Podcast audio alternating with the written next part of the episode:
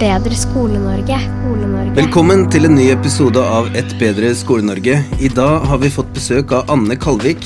Hun har i mange år vært religionsprofessor og er også en radikal feministisk aktivist.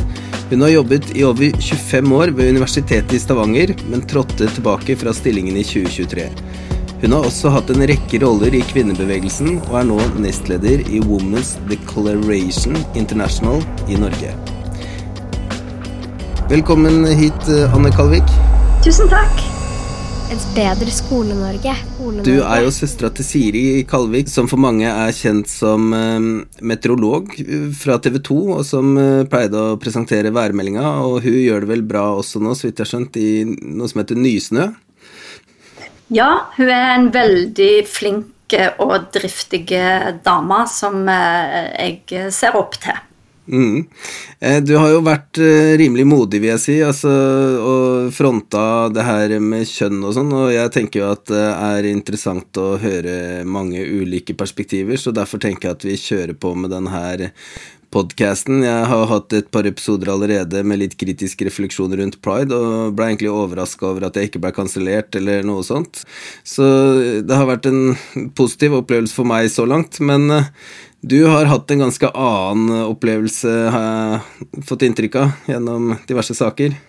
Ja, jeg har jo engasjert meg på dette feltet i um, flere år. Um, Kvinnesakskvinne har jeg jo vært i 30 år.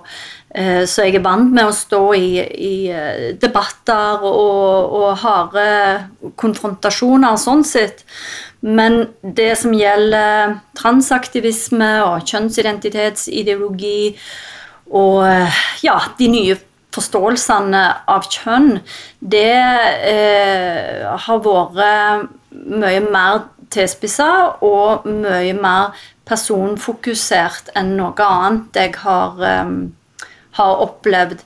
Så, så det forteller jo noe om at det òg er veldig mye som står på spill, og at det er eh, mektige interesser da, som eh, har drevet fram den situasjonen vi er i nå. Så jeg har opplevd eh, svertekampanjer og ryktespredning og løgner publisert om meg og påstander om at jeg er høyreekstrem og en fare for demokratiet og for grunnleggende menneskeretter publisert som forskning ved mitt eget universitet. Så eh, til sammen så, så førte denne situasjonen til at jeg som akademiker da til slutt valgte å, å si opp etter 25 år. Og det er jo veldig sjeldent at professorer sier opp, fordi det å være professor er en veldig ja, privilegert og, og, for de fleste en veldig kjekk stilling å ha, da. Og når en er halvgammel dame, sånn som jeg er, så er det jo ikke så lett å, å gå ut på arbeidsmarkedet og, og, finne seg noe annet. Det er en ganske sånn spesialisert bakgrunn jeg har òg. Mm.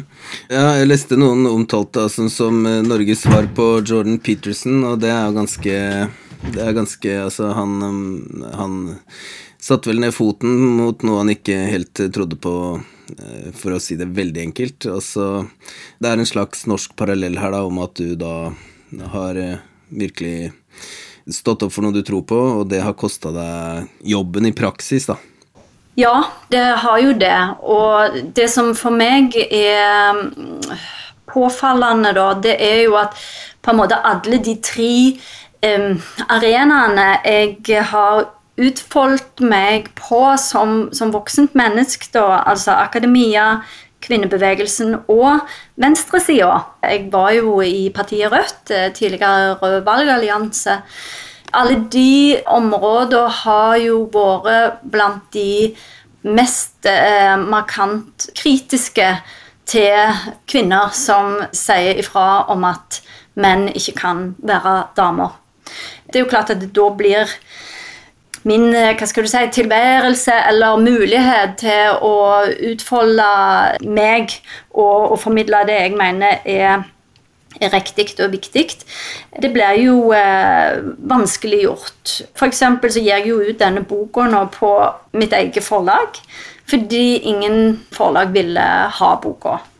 Det er på en måte for kontroversielt, da, det jeg står for. Og så står jeg jo egentlig for noe som alle visste var sant inntil for fem minutter siden, liksom. Du er jo, som du sier, aktuell med en bok, og den heter Kjønnstru. Kan du fortelle litt om sånn hovedinnhold og, og så videre?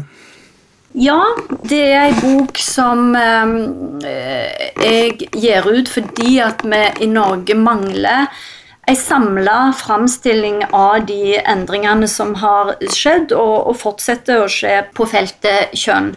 Kjell Skartveit ga ut i 2019 en bok som heter 'Normløst', om eh, mye av det samme feltet. Han har et kristent utgangspunkt, men det er en god og omfattende bok uavhengig av eh, trosståsted.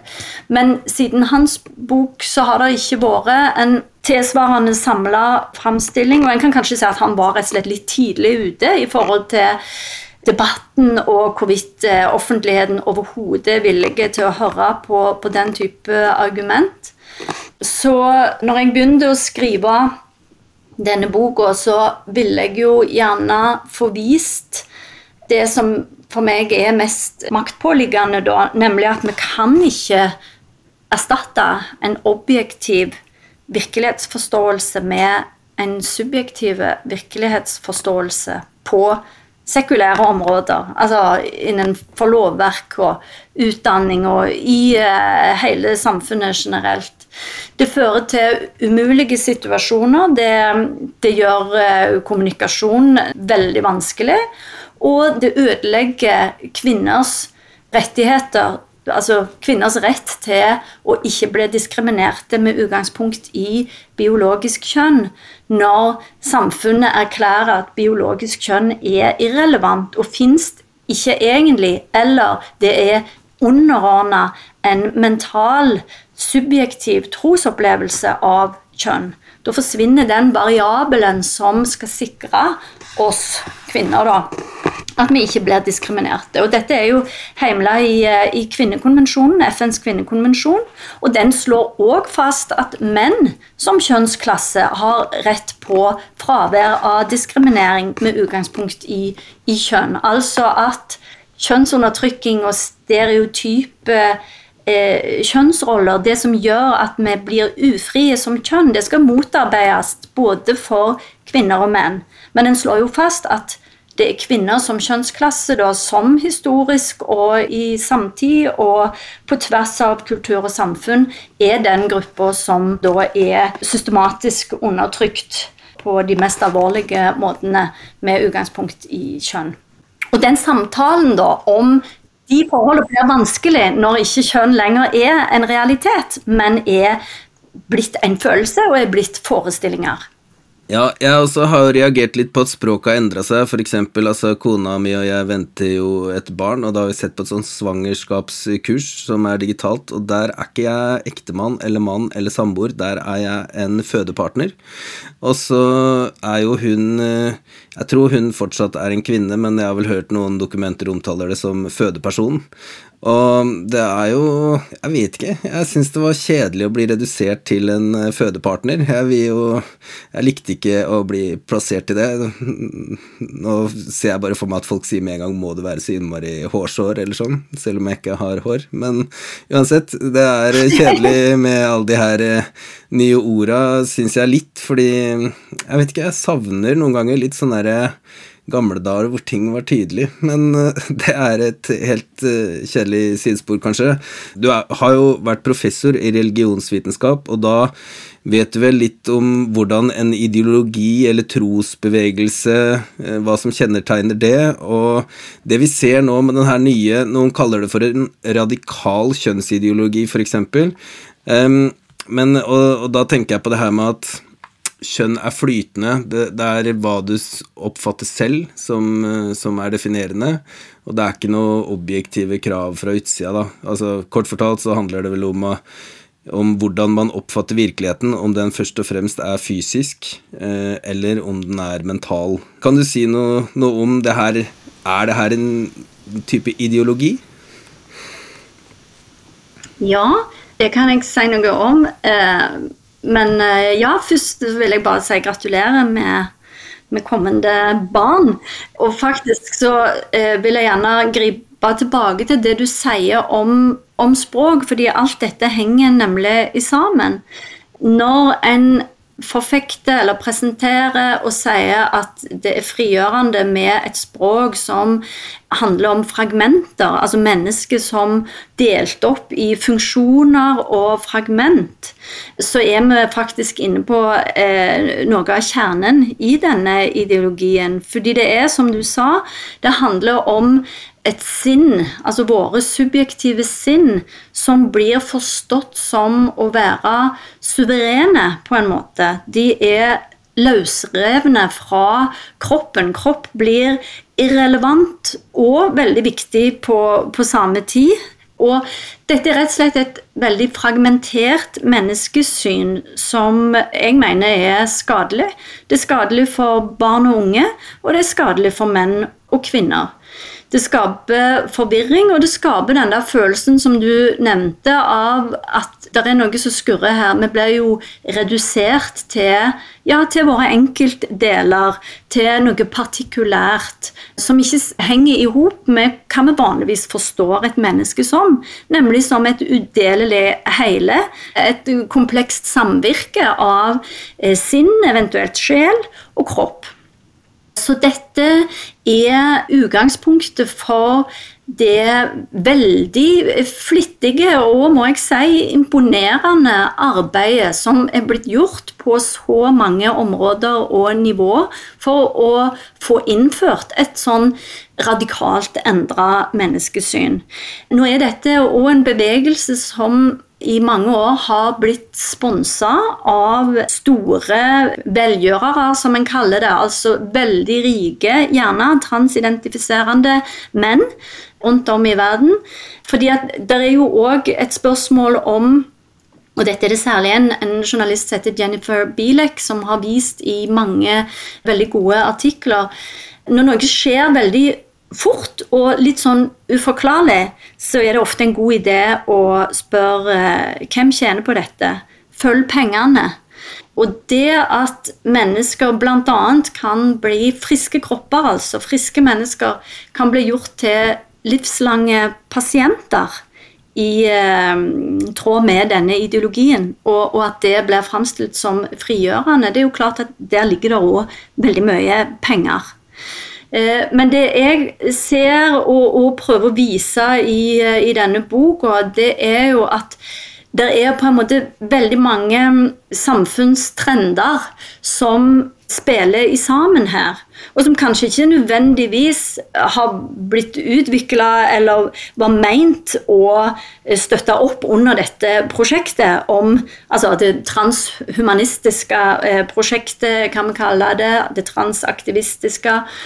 Eksempel så er jo eh, teknologien, internett, altså kommunikasjons alle de enorme mm, varierte eh, digitale flatene vi lever livet vårt på nå, sant? de er jo på sin måte med på å understøtte den der fragmenteringa, det at du, du kan være hvem du vil, uavhengig av hvem du er, så å si jeg ser at en av de som virkelig har fått rett i alt han profeterte, holdt det på seg, det er en transidentifiserende mann som heter Martine Rottblatt. Han ga ut i 1995 ei bok som heter The Apartheid of Sex. Altså kjønnsapartheid. Der han mener, og på det tidspunktet så begynte han å identifisere seg som kvinne. Og så heiv han seg inn i lovarbeid rundt dette, og, og, han mener at det å operere med to kjønn er like forferdelig og undertrykkende som apartheid var det i Sør-Afrika, basert på rase. Sånn at kjønn blir òg redusert til hudfarge, faktisk. Og det ser vi i diskusjonene i dag. Veldig ofte så, så blir det på en måte satt en, et likhetstegn mellom oss som holder fast på at eh, kjønn er en biologisk mekanisme for reproduksjon, og det å være rasist. Og Rottblatt han, eh, han introduserte også det at eh, en skulle heller se til regnbuen og, og regnbuefarger for å kategorisere mennesker. For det å drive med inndelinger framstår jo da som veldig viktig, selv om det presumptivt er helt uviktig. Fordi at det er det enkelte sinnet som er kjernen i, i dette. Så dette er en bevegelse og en kulturell trend som er så breddfull av motseiinger og eh, altså, kognitiv dissonans at det er nesten ikke til å tro. Men det er likevel dette vi presenterer til bl.a. Eh, elever i, eh, i, skolen. Og som de da blir forventa å skulle meningsfullt forholde seg til. Og det mener jeg er et overgrep mot ungene våre. Mm.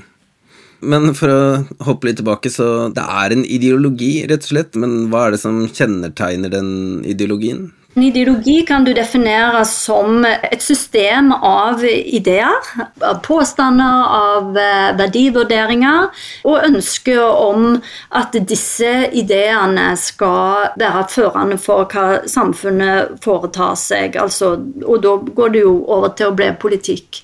Men jeg mener jo òg at dette er dette er religion. Altså, eh, i, innenfor ideologier så kan en jo gjerne i større grad peke på inkonsistent argumentasjon og si at eh, ok, men dette holder faktisk ikke fordi Og så kan en ha en argumentasjonsrekke om hvorfor ideene gjennom en, en, kritisk analyse ikke holder mål. Men det er jo eh, veldig vanskelig å gjøre opp mot denne kjønnstrua, da, fordi en har en komponent, nemlig kjønnsidentitet, som ingen kan eh, definere.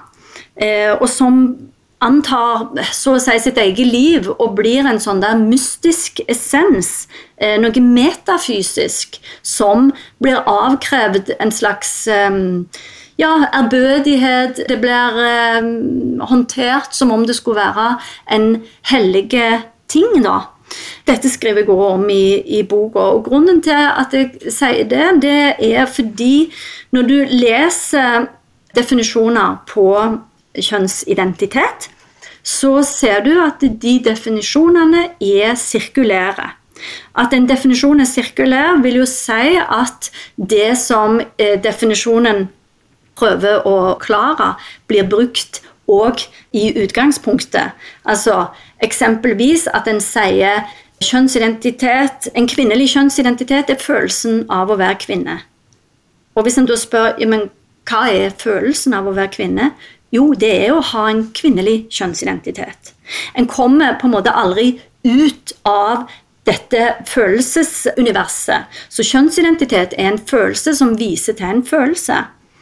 Og det som gjør det spesielt, og det det antar da eh, det jeg kaller metafysiske eller altså antivitenskapelige og religiøse overtoner, er jo når en bruker denne sirkulære eh, definisjonen til å si at Og dette eh, er òg noe som tilsidesetter objektiv virkelighet. Hvis du har en kvinnelig kjønnsidentitet, så er du kvinne. Selv om du er en mann. En mann med mannekropp. Så lovverket vårt nå er sånn, og det har det vært siden 2013. Dette kom ikke med eh, lov om endring av juridisk kjønn i 2016. I 2013 så slo en fast at eh, kjønnsidentitet eh, skulle ha diskrimineringsvern. Sånn at hvis en mann da sier, og det er helt uavhengig av om han har eh, skifta juridisk kjønn, eller om han har operert seg eller inntatt noe hormon eller noe som helst Hvis han sier, erklærer at 'jeg har en kvinnelig kjønnsidentitet', ja, så har han da diskrimineringsvern og rett til å ikke bli diskriminert som en bærer da, av minoritetskjønnsidentitet. Og det er altså noe som ikke kan defineres. Du vil finne den samme definisjonen overalt. Eh, kjønnsidentitet er følelsen av å være mann, kvinne, ingen av delene, begge deler på en gang, eller noe annet. Det blir gjentatt og det blir gjentatt, sånn at en sier i uh, oppslagsverk, sånn som Store norske leksikon og i vårt eget lovverk nå, uh, at kjønnsidentitet er en følelse som viser til en følelse. Hele dette byggverket er altså dermed bygd på Det står på sandgrunn. Og hvis en i det hele tatt prøver å eh, vise til noe mer meningsfullt, altså gi dette, disse følelsene noe innhold, hva er det da en trekker fram? Jo, det er jo selvfølgelig kjønnsstereotyper. Hva skulle en ellers ha eh, relatert det til? Å ha en kvinnelig kjønnsidentitet, ja, det er jo når du er myk og god og liker rosa og liker å lage mat, og du er feminin osv. Så sånn at dette er jo i bunn og grunn uhyre reaksjonært. Der hvor vi før sa at menn og kvinner skal sjøl få være frie til å bestemme eh, hvem de er, hva det vil si å være mann eller kvinne i et opplyst samfunn. Der har vi nå sagt at eh, de og de følelsene, de og de tradisjonelle interessene, er det som forteller hva slags kjønn du virkelig er. Dette er ikke framskritt. Og, og ja, dette har altså fått skje gradvis og innført på stadig flere områder, og på en sånn måte nå at folk eh, står tilbake, eh, står igjen og lurer på en måte hva var det som traff de? Hva var det som skjedde nå? Men det har altså mm. skjedd systematisk over tid. Og de som da har svikta oppdraget sitt, mener jeg, og skulle ha tatt til motmæle, det er jo ikke minst akademia. For det er vi som er statslønna for å sikre at samfunnet nettopp ikke blir overtatt av eh, kunnskapsløse, antivitenskap, eh, ideologi forkledd som, som eh, solid vitenskap. Mm.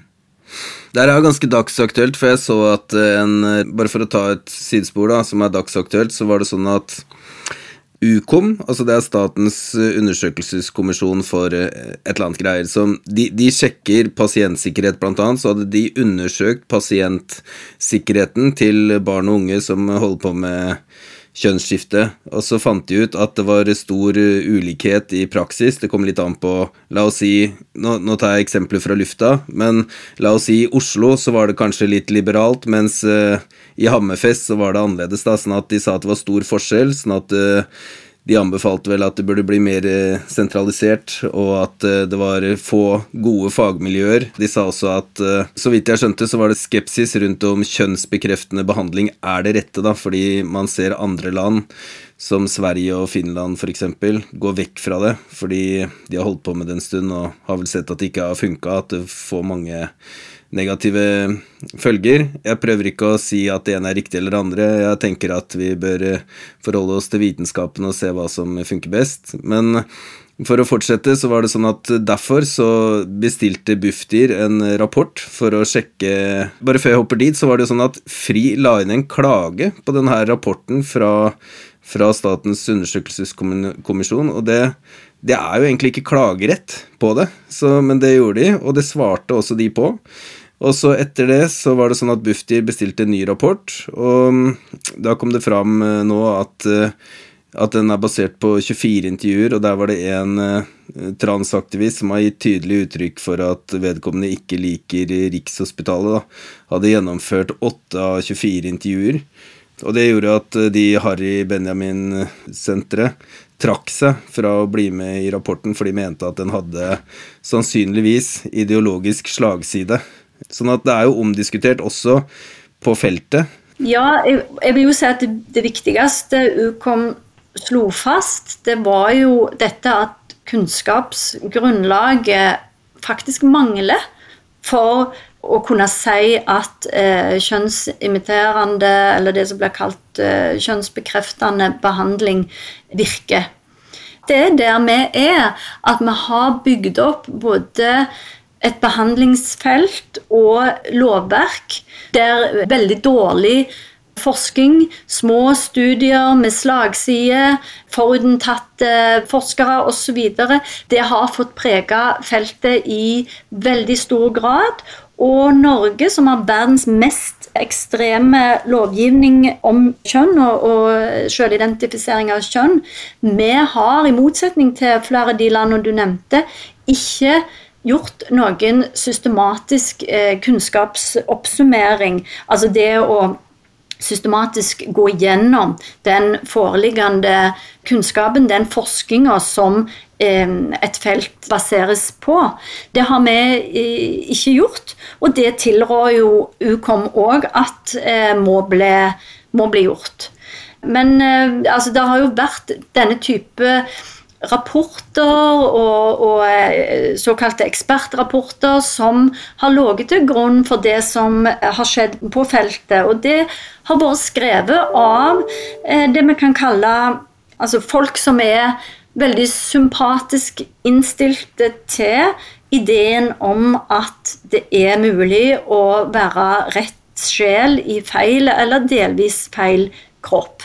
Altså, En har på en måte godtatt det premisset for alt det er verdt. Og hvis du først tror på det, og mener at det da er grunnleggende viktig og handler om ja, rett og slett folks menneskeverd, da, så får du jo òg veldig engasjert forskning som ønsker å vise på hvilke måter vi må legge til rette for de antatte eller erklærte behovene som denne veldig, veldig uh, uensarta gruppa, som blir kalt trans, uh, da uh, måtte ha.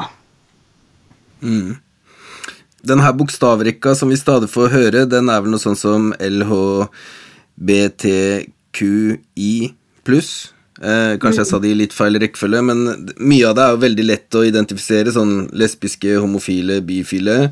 Trans vet jo de fleste hva er. Og intersex, det, det går vel på folk som da Hvor det er uklart om de er menn eller kvinner eller gutt eller jente, men der sier jo Glenn Petter Setre, som er biologiprofessor, at det er alltid mulig å fastslå om de er gutt eller jente, selv om det er litt annerledes kromosomer eller litt uh, variasjoner. Men Man ser alltid det, men det har hendt tidligere at man ikke har tatt blodprøve, eller noe sånt, og så har man bare tatt en visuell sjekk, og så har det blitt uh, feil kjønn som har blitt tildelt ved fødselen. da. Så det, sånn jeg skjønner, så kommer opphavet delvis fra den intersex-kategorien. Mens det man ofte snakker om når det er trans, det er jo folk som er biologisk født som et eller annet. Sånn at den objektive virkeligheten, hvis man kan si det sånn, uh, sier at de er et visst kjønn, mens uh, oppfattelsen, den mentale oppfattelsen eller noe sånt, er annerledes. Men så er det også det her med Q. Det er det jeg har queer-greiene, som, som, egentlig er opphavet til skeiv. På norsk ofte sier vi jo skeiv om alt sammen. At uh, hvis du er homofil, så er du skeiv. Sånn jeg oppfatter begrepet på engelsk, i hvert fall, så er det sånn at skeiv definerer jo mer alt det andre, som er Det kan være kinks, det kan være polyamorøse, det kan være generelt normkritiske, altså at man bare er i opprør mot alt. Både kjønn i seg selv og kjønnsidentiteter og måten man organiserer samliv på og, og det hele. Jeg har lest litt ulike definisjoner, og det blir vel beskrevet som det er eh, skeiv eh, teori betegner motstridende bevegelser som, som ikke er enige med hverandre engang. Sånn at det er jo veldig vanskelig å definere noe som ikke er definert i en, i en sånn definisjon. Og særlig én ting er hvis det er voksne, samtykkekompetente folk som eh, holder på med visse aktiviteter. Men det som blir problemet for meg, blir jo at når det kommer inn i skolen, og det er sånn at man lærer barn og unge at uh, i naturfag, f.eks., det eksempelet jeg har tatt før, at du kan være gutt eller jente, eller begge deler, eller ingen av delene. Det oppleves jo ikke som sant. I hvert fall ikke naturfag. Nei, og det er jo um, det som er problemet med dette, helt grunnleggende sitt. Det er ikke sant. Og uh, det at det er usant, får òg uh, veldig store følger for uh, samfunnet som helhet, og òg da grupper som store grupper som har krav på diskrimineringsvern, altså f.eks. kvinner ut ifra fra kjønn. Men altså, det er um, forvirrende, og det er òg fastlåsende for, for, barn og unge og, og, for alle. Og det som du nevnte med hele denne um, bokstavrekka, og, og, det at du òg har liksom et oppsummerende ord som queer eller skeiv inkludert i i rekka, i alle fall på engelsk, det forteller jo noe om hvor hvor lite logisk og konsistent dette er. Og trans Du sa òg Trans vet vi jo hva er, eller om det kan på en måte relateres til biologisk kjønn og det å ha en kjønnsidentitet som ikke stemmer.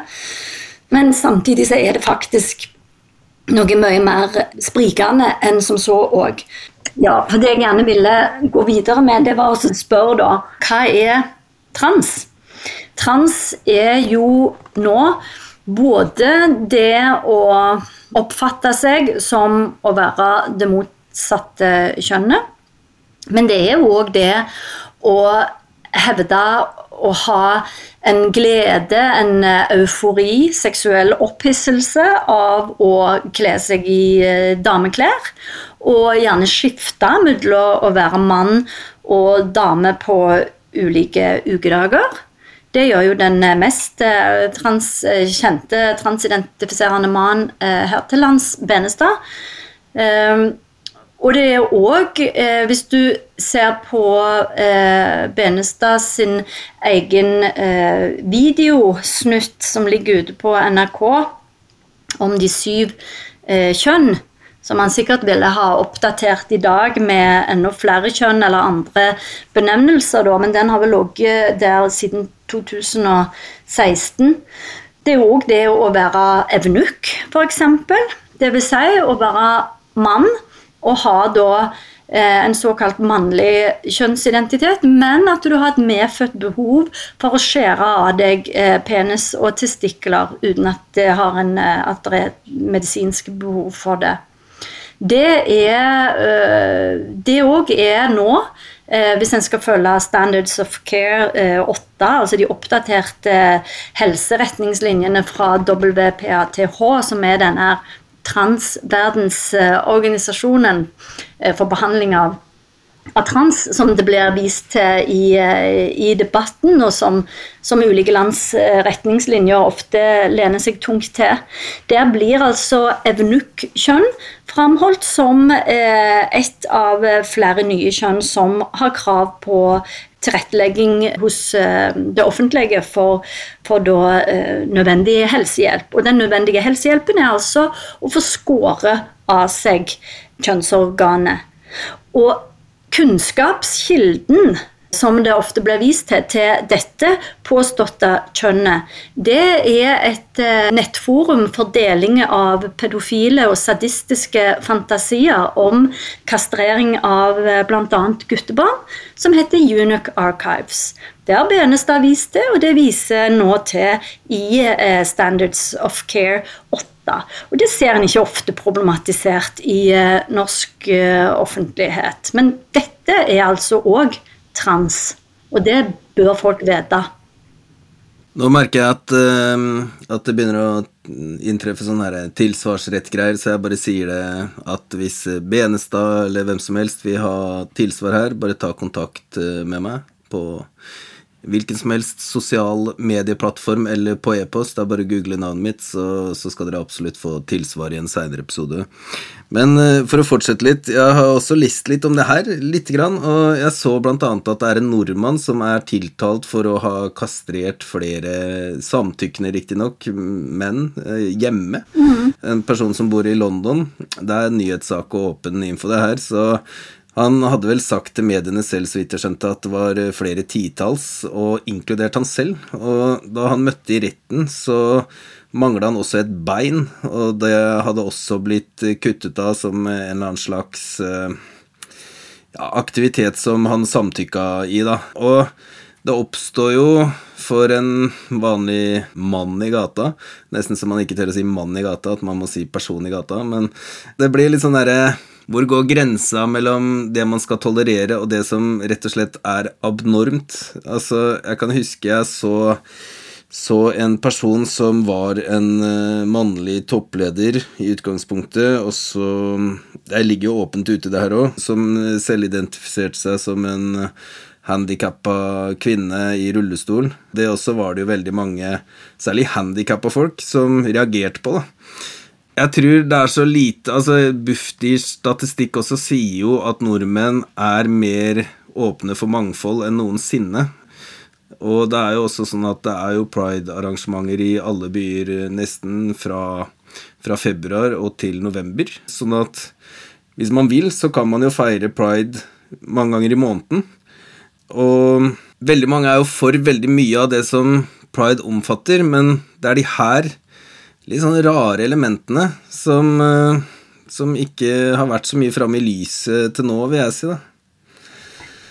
Ja, eh, og du ser òg denne her eh, ja, det jeg vil kalle en sånn kognitiv dissonans. Altså at det, det en sier og, og, mener og påstår i det ene øyeblikket, henger ikke sammen med det en eh, gjør i det neste, eller gjorde for bare litt siden. Ta nå f.eks. dette med eh, evnukkjønn, og, og, alt dette ligger jo ute. Når NRK forsiktig omtaler den saken som du nevnte, og den er mye mer detaljert beskrevet i, i engelske medier, det i seg selv er jo sånn påfallende. Når nordmenn begår kriminalitet i utlandet, så pleier det å bli behørig dekka av norske medier.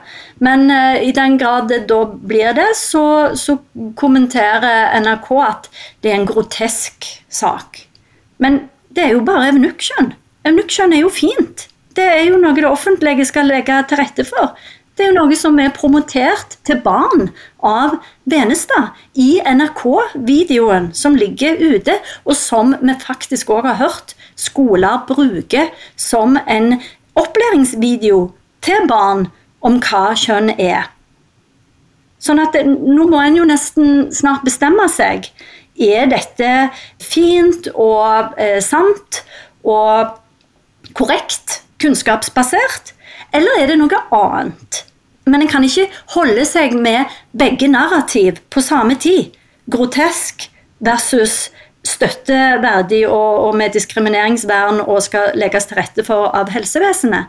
Men det er jo det en gjør i dag. Og blant annet handler det jo om denne frykten for å ble stempla som nettopp ikke-inkluderende, som trangsynt, som transfob. For det, det, blir jo eh, Den type karakteristikker hagler jo.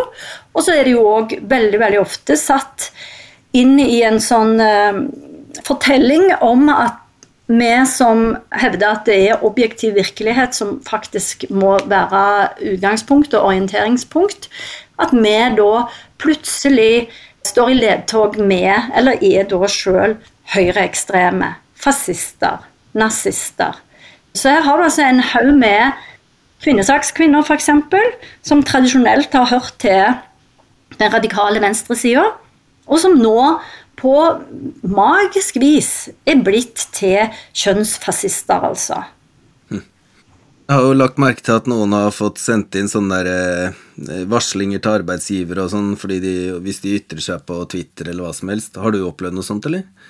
Ja, det er blitt eh, varsla mot meg flere ganger, og eh, internt på UiS. Jeg har blitt eh, meldt til politi flere ganger.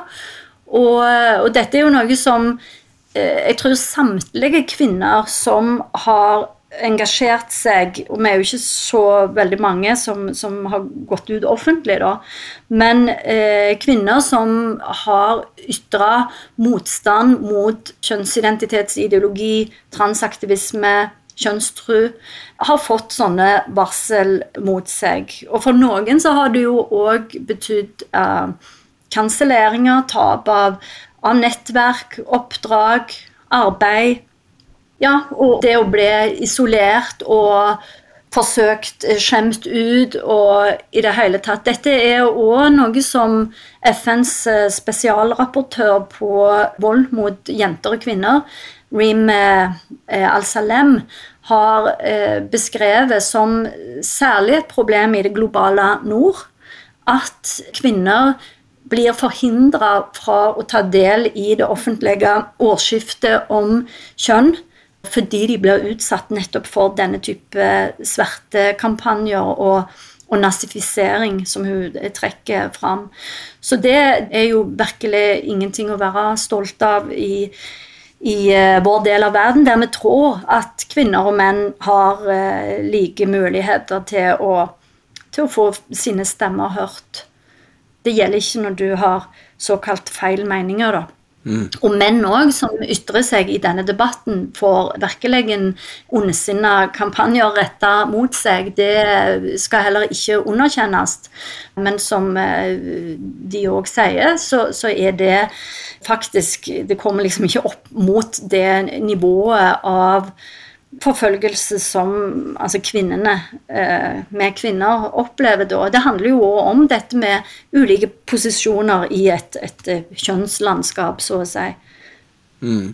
Hvorfor eh, orker du å stå i det, eller hva er det som motiverer deg, hvis jeg kan spørre om det? Altså, jeg ble jo akademiker fordi jeg hadde lyst til å bidra med analyse av uh, kultur og samfunn, og da på området religion og kjønn har jeg jo uh, studert og forska på i alle de åra her. Det blir ofte liksom hevda at ja, men hun er jo ikke kjønnsforsker, hun er jo bare religionsviter. Men jeg er faktisk kjønnsforsker. Men jeg er ikke en skeiv tilhenger av skeiv teori, eller en sånn skeiv kjønnsforsker. Så da teller det liksom ikke. Eh, men ja eh, jeg, hadde, jeg kom ikke fra noen akademisk familie. Jeg har vel eh, mer en arbeiderklassebakgrunn. Jeg har ikke liksom en identitet som akademiker heller. Det var bare et sted jeg så at jeg kunne gjøre en jobb, og det jeg trodde var en viktig jobb. Men når du ser at din egen sektor, din egen institusjon som skal borge for kvalitet, for vitenskap, for det å ja, være liksom en del av samfunnsberedskapen mot at vi får en ideologisk overtaking av samfunnet. Når, når en ser at nesten hele sektoren stilltiende godtar dette, eller til og med oppfordrer til det, da, så framstår jo det hele som ganske meningsløst. Og Derfor er jeg ikke heller lenger del av akademia. Men jeg kommer jo ikke til å slutte å ytre meg, selv om det er mye vanskeligere da å jeg, komme til orde eller å, å, bli hørt som kjønnsidentitetskritisk eh, kvinne. Eh, ja, med, og, og, kvinnebevegelsen, altså VDI, som jeg er nestleder for, vi er jo en, en frivillig eh, organisasjon, en kampanje som skal minne om kvinners kjønnsbaserte retter. Vi har, vi har ingen uh, offentlig uh, finansiering.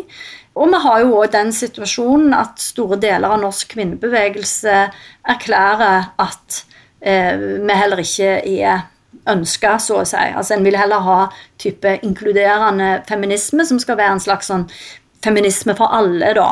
Alle kjønn. Og det skal ikke hete kvinnekamp, i alle fall. Så vi er jo erklært eh, transfobe og sexistiske og rasistiske av, av lederen i Kvinnefronten. Der er veldig mye motstand, og der er mye Hva skal du si? Framsetting av usanne påstander om hvem vi er og hva vi vil. Men eh, dermed så blir det jo veldig viktig å ikke gi opp.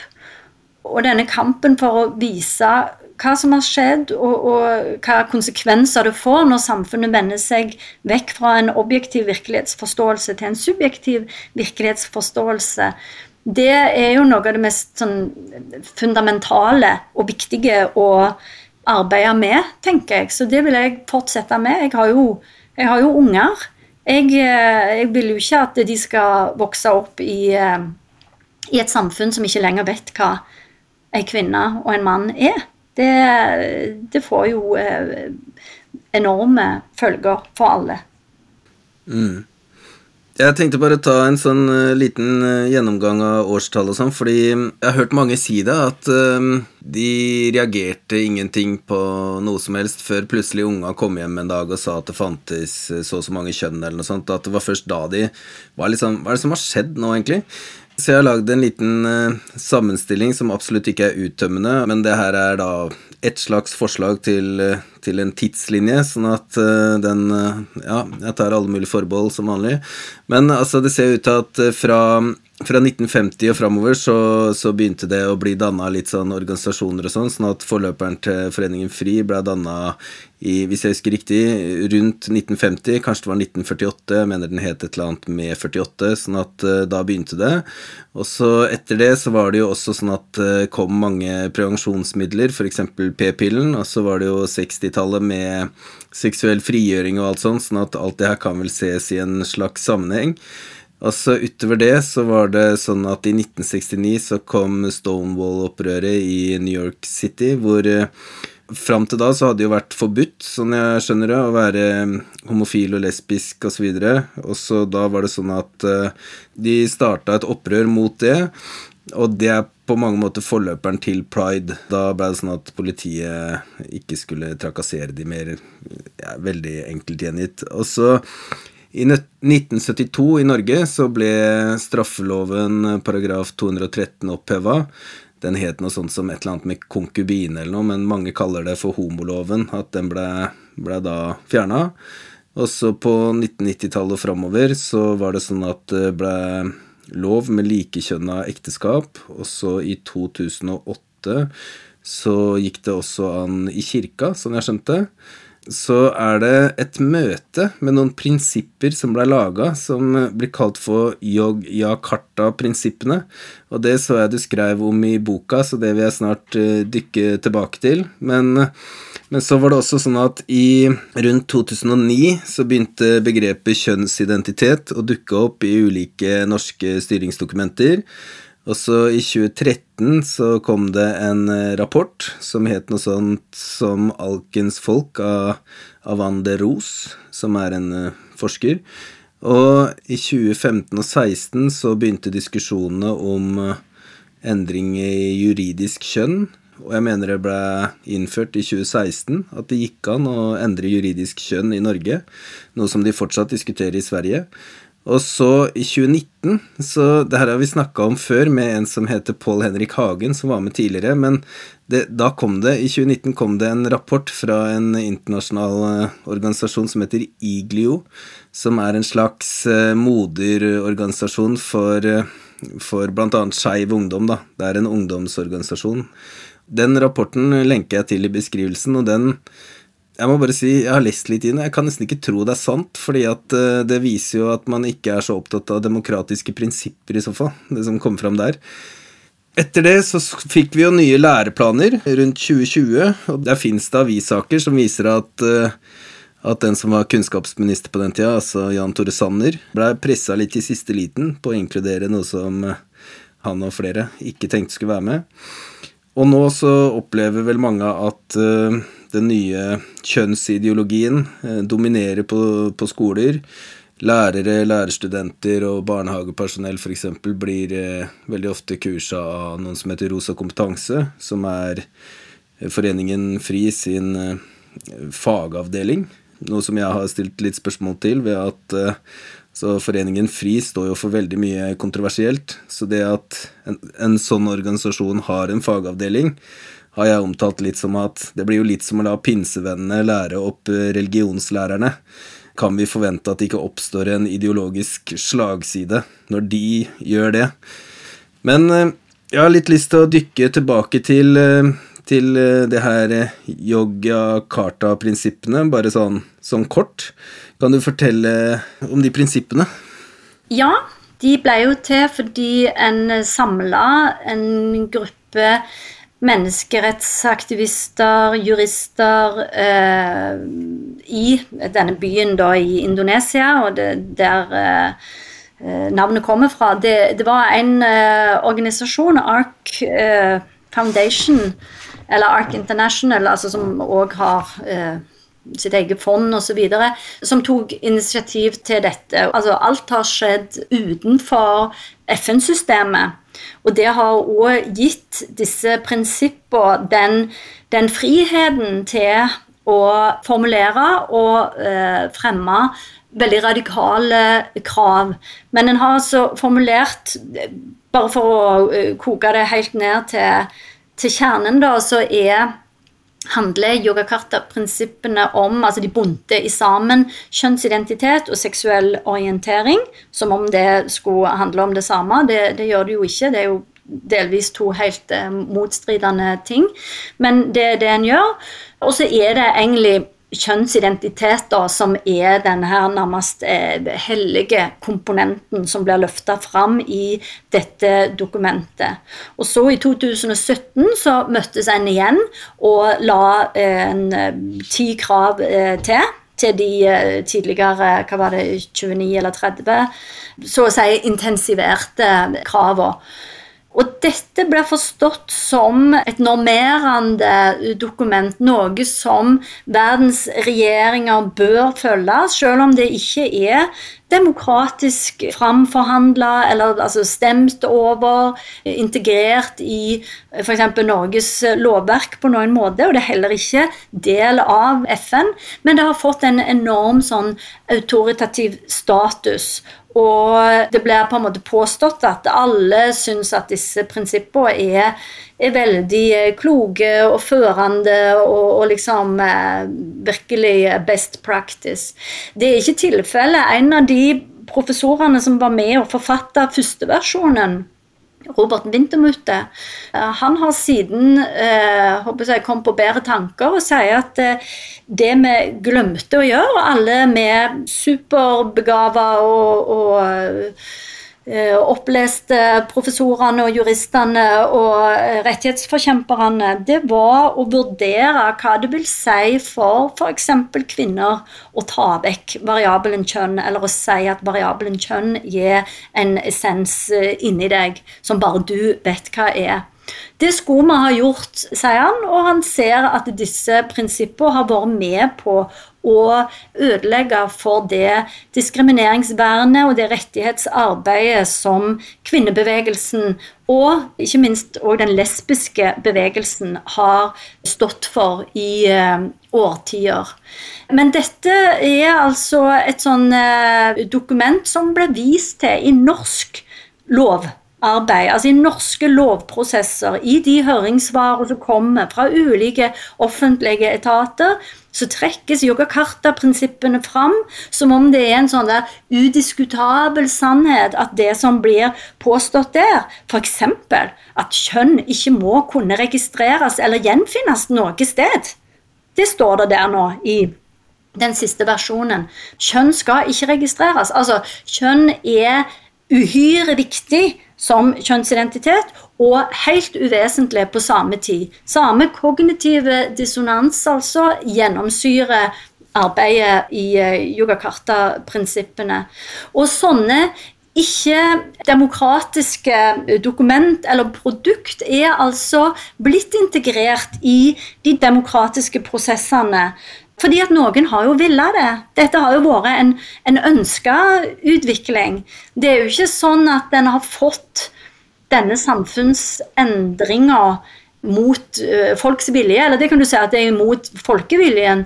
Men det har jo vært en brei allianse av aktører som har ønska dette velkommen, og som faktisk har implementert det. Og det gjelder fra uh, NGO-er, altså ikke-statlige organisasjoner, det gjelder på jusfeltet. Det gjelder jo på måten behandlingsfeltet har utvikla seg, og det gjelder innenfor akademia, og ikke minst, eh, og som, som er veldig synd, da, innenfor media, der en har òg eh, svikta, mener jeg, i å være den maktkritiske vaktbikkja en skulle være. I stedet så har media bl.a. bidratt til en type uthenging av de dissidentene eller de kjetterske eh, kvinnene som har eh, prøvd å advare mot det som, som skjer, eller òg mot eh, kristne. For et interessant faktum her er jo at de som har faktisk over tid og mer konsekvent og ytt motstand, men som òg i liten grad er blitt hørt, det er jo kristne aktører og organisasjoner. Og de blir da avfeid fordi de er kristne, som om det på en måte er diskvalifiserende. Og, det er jo noe som blir brukt mot oss kvinnesakskvinner. At å ja, men dere er jo eh, blitt kristenfundamentalister. Men jeg syns det er kjempeinteressant at det viser seg at sekulære hva skal du si, vaktbikkjer, sånn som eh, Foreningen Skepsis, eller Human-Etisk Forbund, som eh, på en måte slåss for humanisme og sekulære forståelser av mennesket, at det skal gjelde. At de aktørene har svelgt eh, kjønnsidentitetsideologi med søkke og snøre, mens eh, religiøse aktører har sagt nei, men dette er jo ikke sant. Dette eh, kan ikke vi tro på. Dette kan ikke vi gå god for. Dette er uvitenskapelig. Og en peker ikke nødvendigvis på at ja, men det er i strid med, med Bibelen, for det skjønner en jo at ikke går i dagens samfunn. Men en sier jo som sant det at dette er i strid med vitenskapelig tenkemåte og oppøving av kritisk sans, som skolen er lovpålagt å sikre at elevene eh, får opplæring i. Absolutt. Danby Choi er jo en, en, motstemme delvis i den debatten her, og han uh, sa i et intervju at uh, i dagens mediebilde så er mangfold viktigere enn ytringsfrihet. Uh, og det tror jeg han har rett i. Altså det, det, er i hvert fall det som er, praktiseres rundt, kan det se ut som. Fordi heldigvis så har jo VG også tillatt seg å reflektere kritisk, f.eks. ved å presentere Alexander-saken om eh, han eh, som angra seg. Ja da, de har kommet mer på banen nå, ja, det er viktig å peke på. Nå, nå ser vi heldigvis en endring. Mm. Men det har kommet seint, for å si det sånn. Ja, det har det. Men uh, all ære til de som tar fighten nå av, i, i journaliststanden. De Yogyakarta-prinsippene, hvis jeg sier det riktig, det er på en måte FNs menneskerettigheter for skeive. Sånn jeg forstår det, i hvert fall. Og sånn jeg har forstått uh, de det juridiske hierarkiet, så er det sånn at først så kommer de internasjonale konvensjonene. Det er det viktigste som vi styrer etter. Og deretter kommer Grunnloven, og så kommer forskjellige lover. Og etter lovene, når vi ikke vet helt, så kommer type forskrifter. Og etter forskriftene så kommer gjeldende rettspraksis. Og så etter det så kommer forskjellige eksperters meninger osv. Mm. Det virker jo litt som at de prinsippene blir henvist til som en internasjonal konvensjon konvensjon, men at de i praksis ikke er det. Sånn at det har ikke den tyngden som det ofte kanskje blir presentert som, slik jeg forstår det. Det er akkurat det samme som om en gjeng helt oppgående folk har lagd noen prinsipper og mener at resten av verden bør følge de. Det har ikke større verdi enn det, sånn jeg skjønner det. Det er meningsytringer, ønsker om at sånn som dette bør det være. Men det er jo klart det er jo fagpersoner som har, har gjort dette. Men der sitter da altså folk rundt i hele verden, i, eh, altså på ulike plasser i statsapparatene, og takker ja til at ja, men eh, dette tar vi inn. Altså Dette leser vi som et uh, førende dokument. Jeg nevnte dette med altså at det er mange krefter og interesser som drar i samme retning. Og Yogakarta-prinsippene de blir jo da et dokument som liksom kodifiserer det en ser røre seg ellers i samfunnet òg. Og så tenker en at ja, ja, for det står jo her. Men det blir nesten som med kjønnsidentitet. Da. Det er et sjølrefererende univers. Altså Det viser tilbake til seg sjøl. Det, det samme ser vi jo i i forvaltninga i Norge der når det gjelder f.eks. Eh, skolepolitikken og, og, det som blir presentert til barn og unge, f.eks. på ung.no, der blir en sånn en referering av eh, Helsedirektoratet som viser til en eller annen ordliste i, hos Bufdir, som igjen viser til en ordliste de egentlig har funnet hos FRI altså Foreningen FRI, som eh, i seg sjøl er statsstøtta, og, og, der Jeg har ikke kunnet gå djupt, eller veldig djupt inn i det i boka, men jeg skulle jo ønske at en gravejournalist eller to ville se på nettopp dette med med nettverk og posisjoner og den type stolelek som det nærmest ser ut til at foregår i store deler av eh, Norge AS. Vi har jo skille mellom ulike sektorer og etater, og, og vi har maktfordelingsprinsipp, ikke sant. Men hvis disse skillene ikke lenger egentlig finnes, og vi ser at det er et samrøre over tid, så, så burde jo det avdekkes og problematiseres av pressen. Og Det kan være at eh, vi ser starten på det nå, det håper jeg, men da bør en òg gå langt tilbake i tid og se hvordan dette ellers eh, har arta seg i et bitte lite land som jo Norge er. Hvorfor er det Norge som har verdens mest ytterliggående lov om selvidentifisering? Hvorfor er det i Norge at dette knapt inntil nylig da, har vært diskutert i, i media? Hva er det som har gjort oss så ekstremt konforme og lojale til dette idésettet, til denne trua. Hadde jeg vært journalist, så hadde jeg virkelig stupt inn i den materien. Mm. Noe som jeg hørte Paul Henrik Hagen snakke om, det var noe som het en Yglio-rapport som heter Only Adults? spørsmålstegn, som uh, vel er fra 2019. Og den er jo en sånn veldig formell rapport i framstillinga og sånn, men uh, det framstår jo, når man leser det, som en slags best practice-rapport på hvordan man kan eh, holde på med lobbyvirksomhet. Og der eh, blir jo Norge trukket fram, eh, og der står det bl.a. hvordan ungdommer, eller unge voksne fra Skeiv Ungdom, bygde relasjoner til ulike ungdomspolitikere og fikk disse politikerne til å ta opp diverse saker tilknytta deres agenda i alle mulige sammenhenger og at det også var en bevisst strategi for å unngå debatt.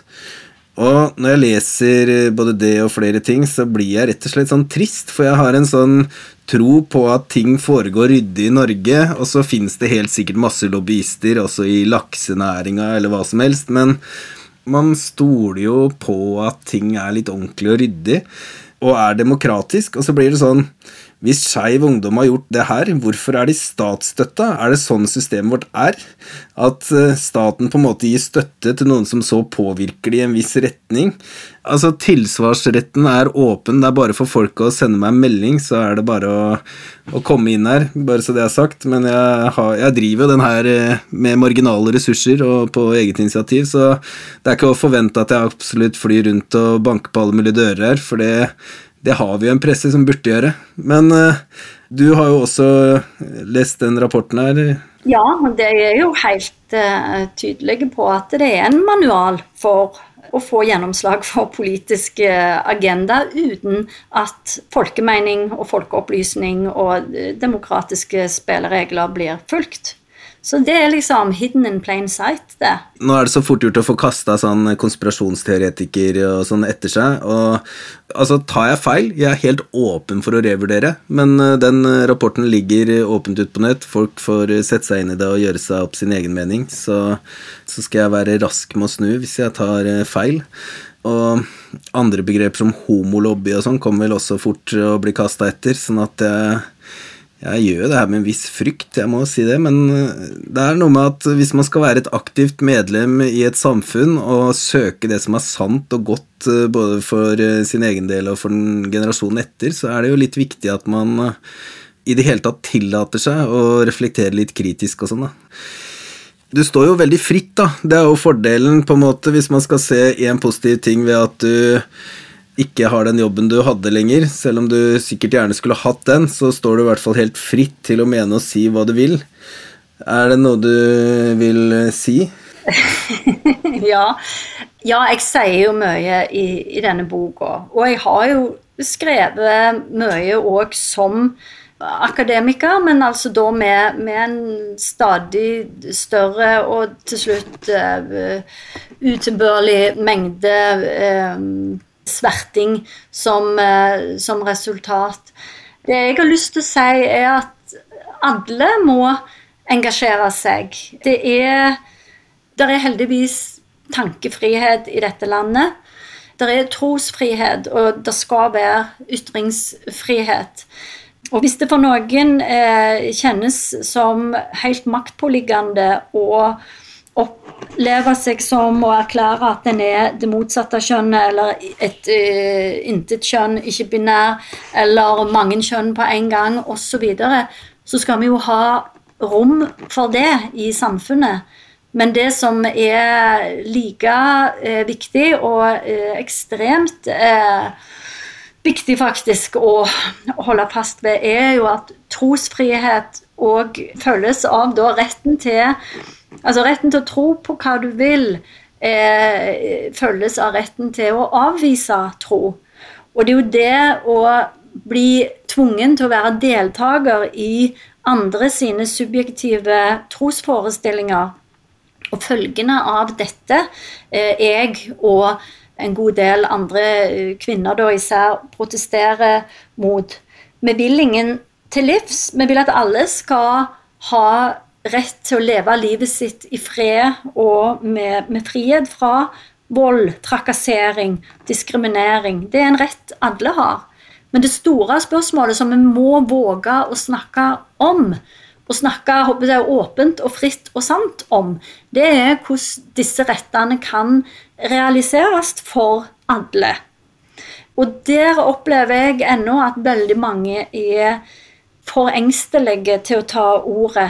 De har masse tanker om det, de har synspunkt, de har klare meninger.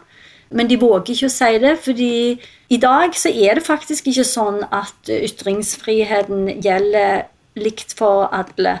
Det er en hel del som rett og slett ikke føler at de har råd til å ytre seg og, og bidra. Da er vi på ville veier som samfunn. Det tenker jeg er en vei ingen av oss egentlig har lyst til å gå.